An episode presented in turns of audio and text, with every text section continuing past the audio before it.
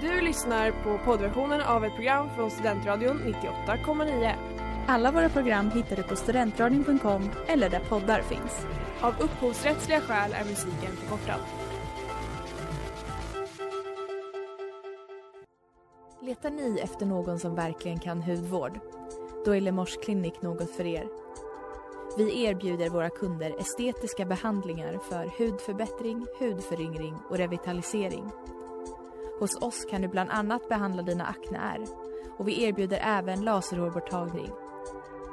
Ni hittar oss på Skolgatan 49 eller på vår hemsida lemors.se. Välkomna! Smeds, Cross och Entreprenad är en stolt sponsor av alla sändningar och program här på Studentradion 98,9.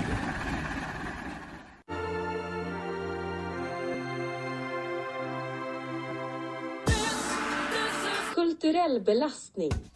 Du är alltid så arg, Annie Lööf. Sluta skrika och gapa i varenda debatt. Det finns ett kulturförakt. Man känner sig som en bohem och en slusk och en...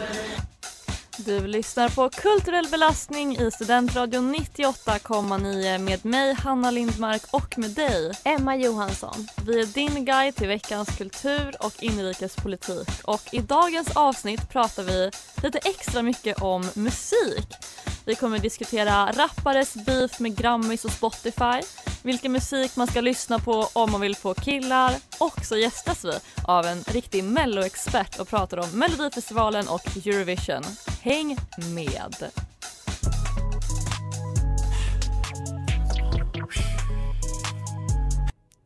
Det där var Cooler than me med Lancy Foe. Du lyssnar på Kulturell belastning i Studentradion 98,9 med mig Emma Johansson och med dig Hanna Lindmark. Ja, hur är läget Hanna?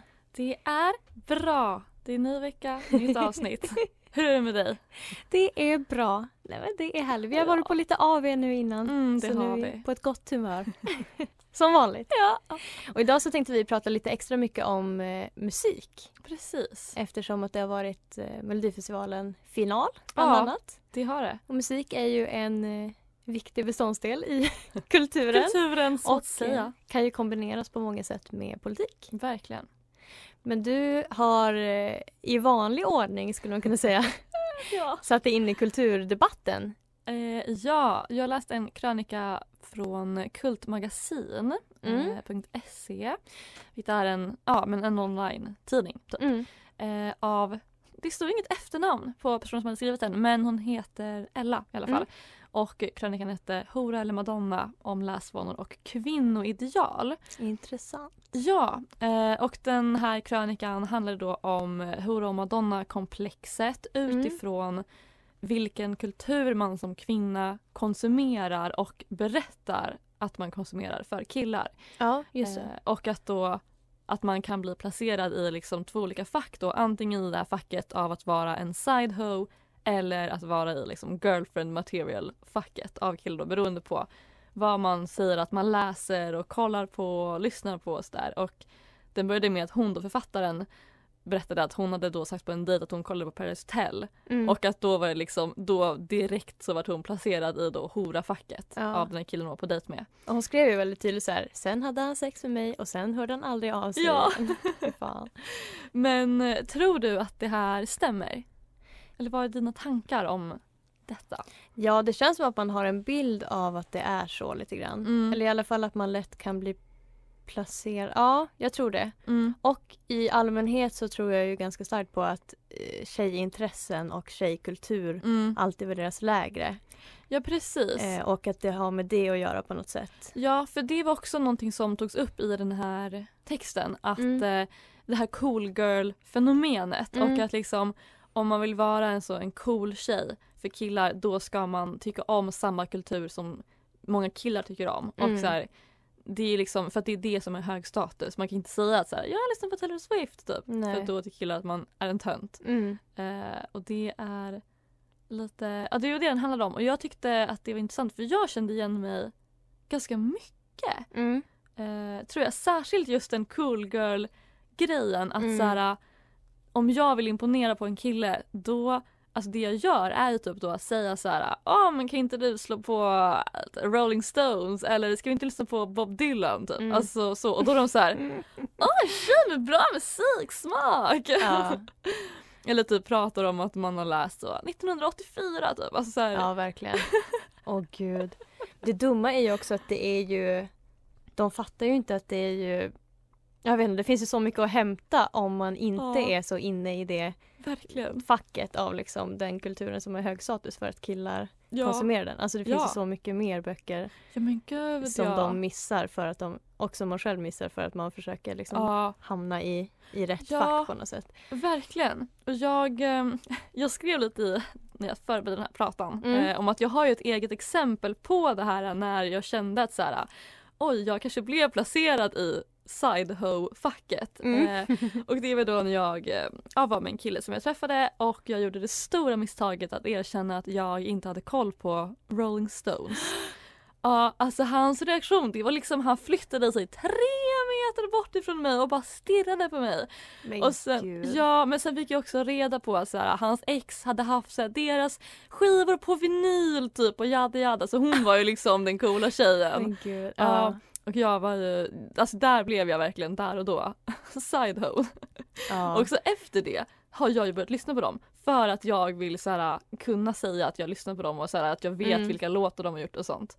Ja, så jag förstår att man gör det. Mm. Jag tycker att jag kan märka det hos mig själv också i dating att så här, eh, ja men de, den kultur som jag vet uppskattas av killar, Mm. det är den som jag framhäver att säga, ja men jag lyssnar på det här, jag gillar Ja. det fastän jag kanske lika mycket gillar andra grejer Mm. som de inte alls vet någonting om för att Nej, de kan precis. inget om det.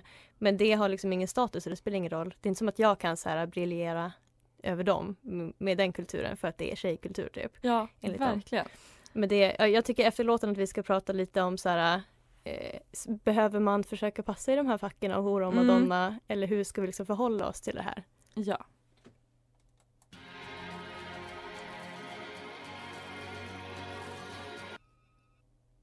Det där var Fever Dream med Sumbrella och du lyssnar på Kulturell belastning i Studentradion 98,9.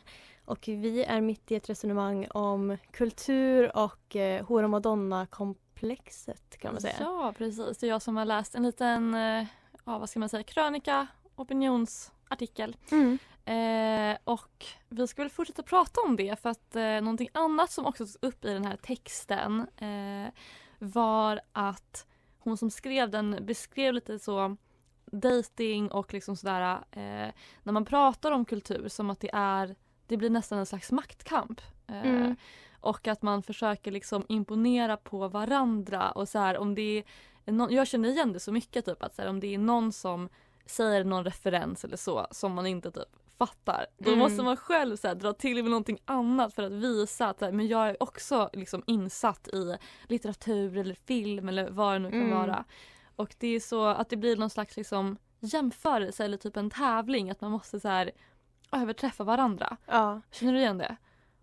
ja, jag tror att jag känner igen det lite grann. Ja. Men jag tror det bo, alltså i alla relationer egentligen, eller i alla så Ja. nya eh, sociala sammanhang typ, Mm. så kan jag känna igen det. Men det kanske är särskilt i dating för dating handlar ju mycket också om att ha makten på något sätt i relationen, särskilt i tidig dating. verkligen. Och man ska liksom visa upp sina bästa sidor och man ska Ja. imponera och så. Men då känner jag också att så här, är det liksom, är det en struktur att det är så att så här, killar bedömer en så himla mycket utifrån kulturella preferenser eller är det bara att typ alla har ett bildningskomplex? Mm, ja, och det känns också som att det är talande att jag tänker att det beror ju väldigt mycket på var i landet man befinner Mm. sig och typ vi är ju en studentstad Ja, och där är det det som har status medan Ja. på en helt annan plats så kanske det är helt andra saker som har liksom den statusen på något sätt. Ja, Men det kanske ligger inbyggt lite i dating att det, det handlar om att imponera och det handlar om att jämföra sig Mm. och att så här, äh, mäta sig mot varandra på något Mm. sätt. Vilket det kan bli jobbigt liksom i Mm. längden.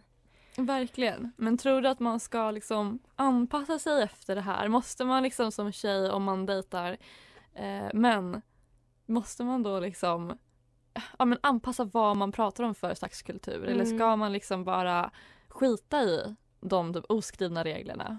Alltså jag kände när du, igår så pratade vi igenom lite grann Mm. vad vi skulle prata om, att du, du gick igenom lite grann den här eh, ja, men texten med mig. Ja. Och då blev jag lite stött typ och var såhär, jaha men jag, han, han, jag är liksom i horafacket. Alltså så Ja. jag vet inte. Och att, eh, ja men ska man liksom det känns som man vill prata om det här på ett sätt som inte är typ tips till tjejer för att inte vara en hora Ja. utan att det ska vara så här man måste ju ändå få liksom vara som man är och så här, Mm. om det är så att killar inte kan acceptera att man är typ en mångfacetterad Mm. tjej Verkligen. med liksom många lager som gillar olika saker, Ja, olika kultur, då eh, funkar det inte eller då kommer det inte funka. nej precis för också det som är just den teorin, liksom Hora Madonna-teorin, den är ju myntades väl av Freud eh, tror jag Mhm. och den handlar om att så här, just att män bara ser kvinnor som så, alltså väldigt endimensionella och Mm. att det och det Att man är stämmer antingen eller.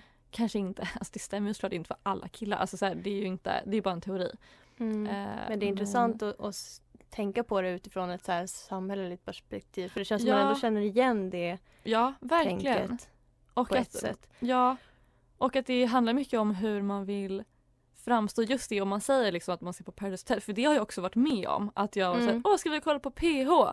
När jag varit hos någon kille och att han var såhär, oh my god kollar du på Paradise Hotel? Såhär, åh Mm. nej. Alltså såhär, man märker att det är någonting som händer i dem när man liksom myntar de orden. Mm. Och det, då hamnar man i horafacket kanske. Ja, Eller har jag varit allt- med om i alla Allt fall. utgår ifrån vad som har status, status utifrån liksom killars perspektiv Ja. och vad killar gillar. Ja. Men det, det är så dumt för det är verkligen det är verkligen inte den bästa kulturen. Typ såhär. Bob Dylan och Rolling Stones. Ja. Alltså det finns så, de missar så mycket för att de inte Ja. kan konsumera liksom, tjejkultur. Ja men det det, alltså alla blir låsta av den grejen. Ja verkligen. Men det känns ju i slutändan som att det ändå är typ männen som vinner på något sätt ja. på det liksom. För att vi tjejer måste så här, anstränga oss för att placeras i rätt fack och Ja, uppfatt, uppfattas på rätt sätt och sådär. ja.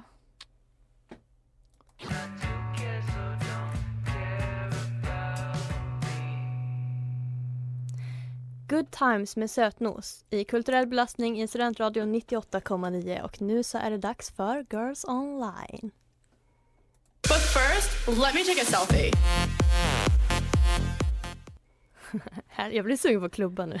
ja jag med. Ja, eh, jag har läst på Twitter. Vi pratar ju mycket om musik idag, Mm. Har vi tänkt att vi ska göra. Och eh, jag har eh, läst en Twittertråd av indieartisten Sibyl Attar. Mm. Eh, också bra musiktips Ja. om ni vill lyssna. eh, hon eh, kallar i den här eh, Twitter-tråden eh, musikbranschen för en vulgär monopol. Hon skriver att musikrecensioner till exempel inte har så mycket betydelse längre eh, i hennes bransch, alltså musikbranschen. Mm. Hon tycker det är dåligt för att det visar på att de största aktörerna är de som bestämmer helt över vilka som ska lyssnas på och vilka som ska vara Mm. inne typ. Mm. Eh, så liksom även om man får massa bra recensioner och liksom tycks om av publiken Mm. eh, så ger det inte samma resultat som det gjorde innan i till exempel streams och nomineringar till priser och så Mm. vidare. Eh, och liksom mycket handlar ju om algoritmer tänker jag. Det skriver inte hon men det, jag tänker att det mycket handlar om det också till Ja, exempel verkligen. på Spotify. Ja. Så kontentan är väl liksom att Spotify, Grammis, Sveriges Radio och så vidare, sådana Mm. liksom stora aktörer Mm. är de som bestämmer vilken musik som ska ha status och vilken musik som folk kommer lyssna på. Liksom. Mm. Och att hon tycker det är problematiskt som en liksom, indieartist som kanske inte vill vara under ett stort bolag. Liksom. Nej precis. Eh, och en till intressant aspekt av det här eh, som jag också läste en tweet av, eh, om eh, är att eh, ja, men Spotifys monopol eh, gör ju nu att när Drilo är en Mm. artist som tog bort sin musik från Spotify så det gör ju liksom att hans musik det går ju liksom inte att lyssna på den alls längre som publik. Mm. Och så kunde det inte bli förr för då hade man ju alltid musiken själv. Man var Ja, själv liksom precis. den som styrde vilken musik man ägde och vilken musik man kunde lyssna på. Mm. Eh, jag ska läsa upp en tweet om det här. Eh, intressant nu när musikkonsumenterna får mötas av nackdelen med streaming, apropå Drilo. Eh, din tillgång till din favoritmusik är villkorad, begränsad och opålitlig. Om en plattform lägger ner eller en artist tar bort, eh, tar bort sin musik så blir du plötsligt av med ditt musikbibliotek. Att det liksom att vi har Spotify som liksom enda typ monopol i Sverige på Ja. all musik som konsumeras gör någonting med branschen och med oss som lyssnare på något sätt. Det är också, för det känns som att genom åren så har ju olika artister i perioder så tagit bort sin, typ Taylor Swift tog bort liksom alla hennes skivor Mm. från Spotify för några år sedan och sen Mm. så kom de tillbaka och sådär. Det är så speciellt Mm. att det, och det tänker man ju inte på. när man liksom Mm. tar del av det. Ja, men och just det att hamnar man eh, ja, men prioriteras man av Spotify, det handlar Mm. förmodligen mycket om pengar och sådär. Mm. Att hamna i de listorna så här, eh, veckans nya singlar och Ja, precis. liksom så här indie-lista eller poplista. Mm. Då får man lyssningar. Mm. Men eh, man kan också hålla bort, alltså Spotify kan styra det väldigt Mm. mycket. Och det kanske också blir just då de, eh, jag ska också läsa upp ett litet inlägg sen, men just om de som har stora typ skivbolag och sånt i ryggen och de som inte har det. Mm. Eh, Att det blir en stor skillnad i liksom. Mm. Jag kan tänka mig att det makten. blir så. Mm. Ja, Ja, du ska också läsa upp eh, som handlar om Grammis, också en stor aktör inom musikbranschen i Sverige. ja precis. Eh, för de har blivit kritiserade av eh, Antoine eh, Mm. som blev nominerad till årets hiphop eh, nu i Grammis, eh, vad säger man? Ja, inför Grammisgalan. Mm. Eh, och så. Och då så skrev han i ett eh, Instagram-inlägg eh, så här.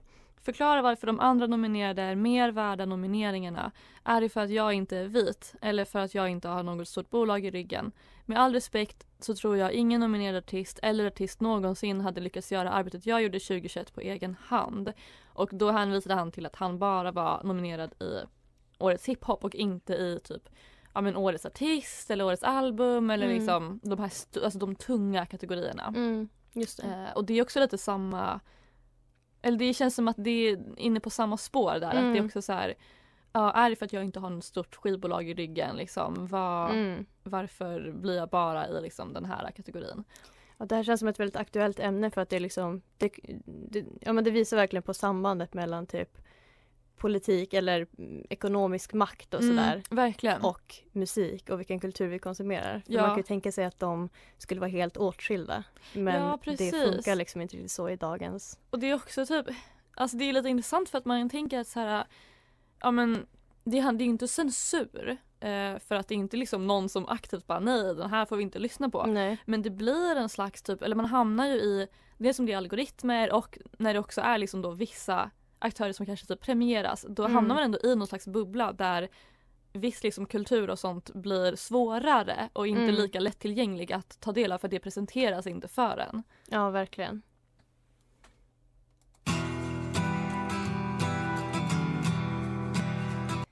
Det där var Otrygg provanställning med Hurula och du lyssnar på Kulturell belastning i Studentradion 98,9 och eh, vi har kommit fram till veckans soundtrack. And the Grammy goes to...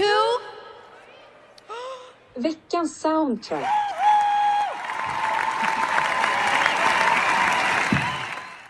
Ja, och veckans soundtrack kommer bli lite längre än vanligt och vi har också med oss en gäst idag. Hallå! Hallå, välkommen! Vill Tack du så mycket. presentera dig lite grann? Eh, jag heter Ingrid och jag sänder Christers Änglar här på Studentradion. Ja. Eh, som är ett melloprogram Ja. helt enkelt. Vi pratade just om det måste ju vara verkligen högsäsong för ert program nu när det just har varit mellofinal. Gud ja, väldigt mycket att diskutera. Högt och lågt. Ja. Men vi måste ju börja med att fråga, vad tyckte du om årets final? Du som är lite melloproffs. Eh, musikmässigt ändå rätt bra. Ja. Showmässigt besviken. Det Mm. var både jag och min, min kollega Maria var ganska besvikna på showen. Vi Varför? tycker så här, ja men vi förväntade oss dels att Tusse skulle vara där. Var var han? Ah, Ja, Det var Han han, var som inte med. vann i fjol. Ja, Ja. så det tyckte vi var konstigt och sen så tyckte vi att det var lite så här låg energi vilket man kan förstå liksom i och med klimatet, alltså det politiska klimatet och sådär. Mm, Men det är också så här, de har inte riktigt varit så låg energi annars de andra tävlingarna. Nähä, Så om de nej. ändå har kört på som vanligt så kan de ju köra på som vanligt under Mm. finalen.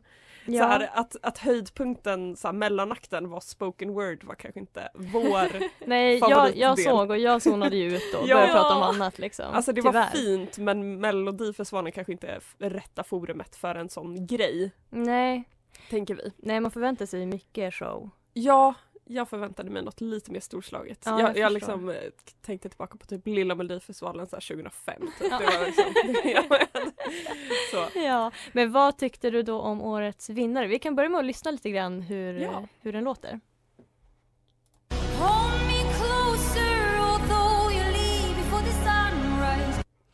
Ja, det var ett litet urklipp i alla fall från Ja. refrängen.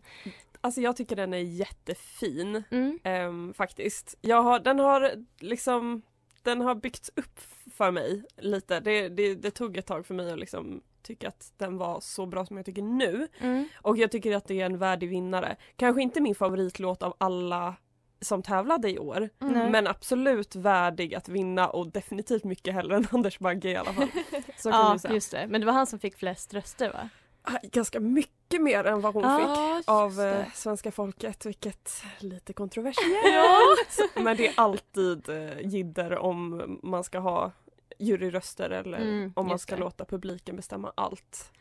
Men så har det väl varit typ alltid att det är Ja. juryröster och publik? Nu, det är ju mer, alltså det har ju från början i liksom Melodifestivalens och Eurovisions historia så var det ju bara jury Okej. till en början. Ja. Så att eh, det här med publikröstning, det är ganska nytt. Alltså det är en sent 90-tal som man började kunna rösta, liksom ringa in och Mm. rösta. Och då var det liksom 50-50. Mm. Så nu börjar väl folk känna att så här, alla ska få vara med och bestämma. Mm. Men uh, alltså jag vet inte för att folk är dumma i huvudet tänkte jag Ja. säga. ja, jag tänkte säga i år känns som att det var ganska bra att också Ja, ja. juryn som liksom kan tänka lite mer logiskt. Och Melodifestivalen vill ju också ha en jury för att de vill ju ta, ta tempen lite och veta vad som kommer funka i Eurovision Ja, sen. just det. Mm. Det är väldigt viktigt för Melodifestivalen som koncept att det liksom är inför Eurovision och att det sen går bra för Sverige. Mm. Det har hänt en gång att vi inte kvalificerat oss till, Okej, eh, till det. Eurovision Mm. final. Liksom. Ja. RIP Anna Bergendahl. Ja, just det. Efter låten så pratar vi mer om chanserna i Eurovision. i år. Ja.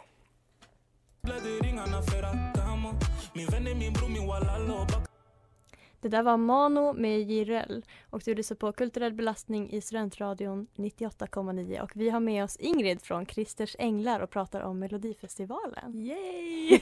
Så kul att du är här! ja, det är kul att vara här. Och eh, innan låten så sa vi att vi skulle prata lite mer om eh, Cornelia Jacobs eh, chanser i Eurovision. Vad tror du om dem Ingrid?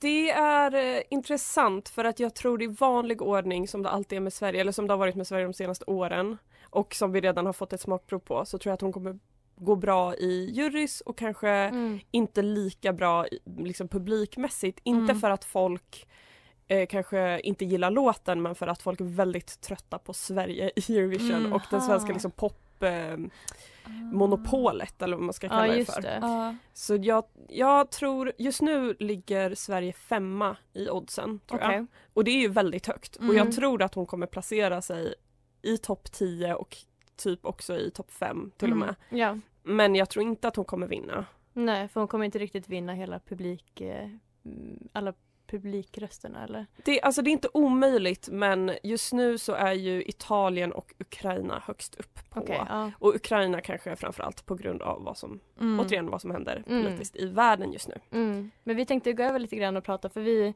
pratar ju både om kultur och om politik i Ja. det här programmet. Eh, används politik mycket i Eurovision och Melodifestivalen?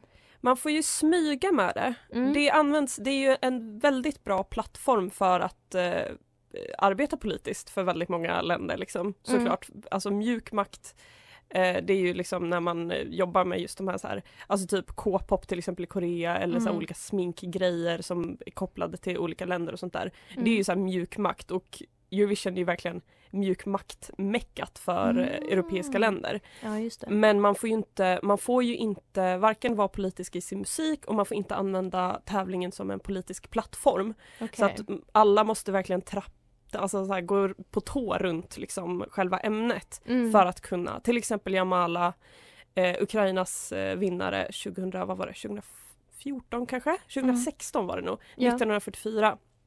Eh, hon sa så här, det här är en berättelse om min familj, det här är min personliga upplevelse Mm. och liksom story typ och har inte med politik att göra och då godkändes det Mm. eh, för att det liksom det handlade, det var hennes liksom egna grej och inte liksom något för hennes land eller något som hon Mm. uttalade sig om politiskt. Då. Men det kunde ändå tolkas som en politisk låt eller liksom? Ja det har det Ja. ju gjort. Ja. Eh, och en, ett annat klassiskt exempel är Verka 2007, nej jo 2007. Mm. Det var också Ukraina. Mm. De hade en låt som heter Lasha Tombai och det var ju väldigt mycket spekulationer att de, ursprungstexten var inte Lasha Tombai utan Russia Goodbye. Mhm. Att det var det de sjöng egentligen Ja, men sen så fick de eh, en väldigt känd och meme jordlåt kan man ju också säga att det Ja. är. Den är, den var, den är, ja, en banger kan jag ju säga. Ja, Men, vi får lyssna in oss på den. ja men det, då när man lyssnar på den, vissa tillfällen så känner jag ändå att jag hör Russia Goodbye Mm. och inte Russia Goodbye. Men Men tycker du att man ska blanda ihop liksom kultur och politik på det här sättet eller borde de hållas isär? alltså, det är en, det en är ständig om- debatt. Ja, alltså det är omöjligt att inte göra det. Mm. Det är vad jag tycker. Det, alltså man kan inte vara liksom helt neutral kring någonting någonsin liksom i vad man, om man ska skapa konst Mm, och eh, det går att försöka men jag tror liksom inte att man kommer kunna komma ifrån det. Nej, just det. Det är så Eurovision, det är det Eurovision är liksom byggt på från början. Det skapades ju som ett sätt att liksom skapa fred mellan länder. Mm. Ja, det är ju i sin grund politiskt Mm. och liksom hela konceptet att det är länder som tävlar mot varandra. Det är också Mm. politiskt så jag, ja, Mm. jag förstår varför reglerna finns. Omöjligt att, att liksom inte bryta mot dem nästan, lite Mm. grann i alla fall. Tack så jättemycket för att du ville komma och gästa idag Ingrid. Tack för inbjudan, det var så kul att vara här. I wish your hands were on the steering wheel so my Second Floor med Brooke Hoff här i Kulturell belastning i Studentradion 98,9. Och idag så pratar vi om musik men nu så ska vi bryta av lite grann med inne och utelistan. Vet du förresten att det är ute med rave? Jag läste det i Veckorevyn. Det var med på utelistan. Ja. Yes! Det, det första som jag också utlovat på Instagram, kulturellbelastning.98, nej 98.9, Ja. att vi ska prata om är eh, ja, men, eh, stilen man ska ha när man är gravid. Idag. Vill du beskriva lite grann hur våran kändaste kändis som är gravid klär sig just ja, men nu, alltså, Rihanna? Det har väl inte gått någon obemärkt förbi att hon är gravid. Nej, Eh, det tror jag inte. nej, men hennes, ja, hennes stil är ju verkligen, för hon har väldigt mycket bar mage och liksom Mm. bilderna på henne när hon går runt där är liksom att det är så här i typ New York kanske det är. Det är liksom Mm. grått överallt och det ser jättekallt ut. Ja, verkligen. Alltså det ser ut som att det är höst. Men och så bara fostret måste omkring där. frysa där Ja, verkligen. Det känns som att det har varit en trend de senaste åren också typ på svensk Instagram och sådär. Ja. Att influencers och så, att det, man ska liksom ta väldigt så avklädd, man ska ha Mm. fotoshoots där man är väldigt avklädd och att det liksom ska vara sexigt att vara gravid. Ja, sexigt och som att det, det blir liksom någon slags att man typ hyllar kvinnan. Ja, just det. Eh, med Mm. det. Typ, hon, det kan vara så att man sitter i typ en bädd av så blommor och liksom Ja, Beyoncé-tvillingarna. Ja, ja precis. Känns väldigt i tiden. Ja. Så det skulle jag säga är inne. Verkligen. Vi har också, eh, om vi går över till en utepunkt på vår lista, vi har fått fanmail på vår Instagram. På Insta-DM. Ni får väldigt gärna fortsätta skicka Ja, gör det. till oss. Eh, ett konstverk av Magda Lundberg. Eh, det är hon som gör de här ankmålningarna på anteckningsblock, gula ankor om ni har sett dem. Eh, ja, på den som vi fick skicka till oss så står det i alla fall. Ibland kan jag önska att jag hade en egen personlighet och inte bara en vargsexsymbol. Kände du dig träffad Anna? Alltså det var ju rakt av ett eh, hatbrev. Ja, så jag skulle, det var lite ute att vara så förutsägbar på något sätt. ja, som vi kan inte hjälpa det. Det är den Nej. kulturen som vi konsumerar. men också att liksom alla, det här har jag tänkt på, alla poddar pratar om samma saker. Alla poddar säger exakt samma saker, alla har samma spaningar och vi är bara en del av eh, det kanske. Vi gör vårt bästa. Ja. Men fortsätt gärna. Ni får gärna skicka kärlek också, inte bara hat. Mm, verkligen. Eh, vad mer är inne?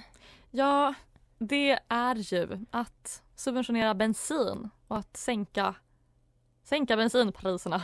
Ja, känns som det pratas både, både att vänstern nu är så här, äntligen har vänstern fixat det liksom, Ja. eller regeringen. Och att högern är så här, vi har väntat på det här i fem år. Ja, precis. Såg att Sverigedemokraterna lagt upp på sin Instagram att de så här, SD kör över regeringen. så alla vill sänka och det är väl också att man vill nå landsbygdsväljare. Eh, Mm. Framför allt och nu när det är valår också där. Mm, känns som en röd tråd genom Ja. valåret. Jag tänker att det kommer komma många sådana grejer, många sådana subventioneringar och sånt där under året fram tills valet. Mm. För att, bli, vad säger man, Bli- blidka väljargrupperna.